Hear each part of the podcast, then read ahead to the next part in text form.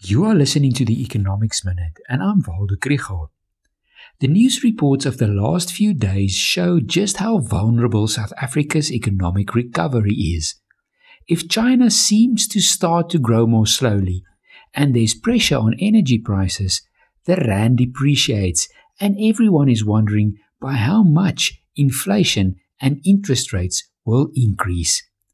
Most analysts think that reforms are moving in the right direction, but still too slowly.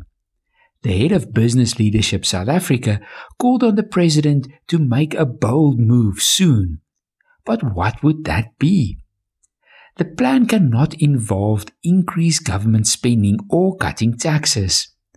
Reducing the budget deficit and government debt is important for our credit rating, and we need to continue with fiscal consolidation but perhaps the reforms could commit the government to getting rid of some of their most expensive ideas forever, such as the national health insurance, nuclear power, and all the failed SOEs.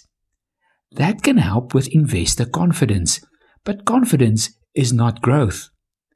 Infrastructure investment is a good idea, but it takes time for it to translate into economic growth.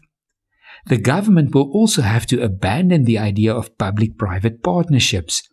There has not been a single project since 2017 that has progressed beyond the feasibility study. Education and training are important, but they promote growth in the very long term.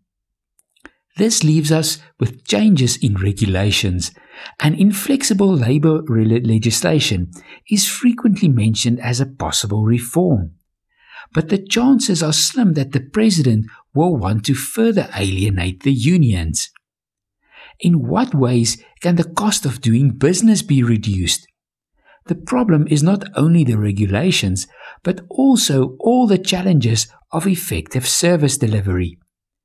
If you make the list like this, you soon realize that there is no easy solution, even if you are the president.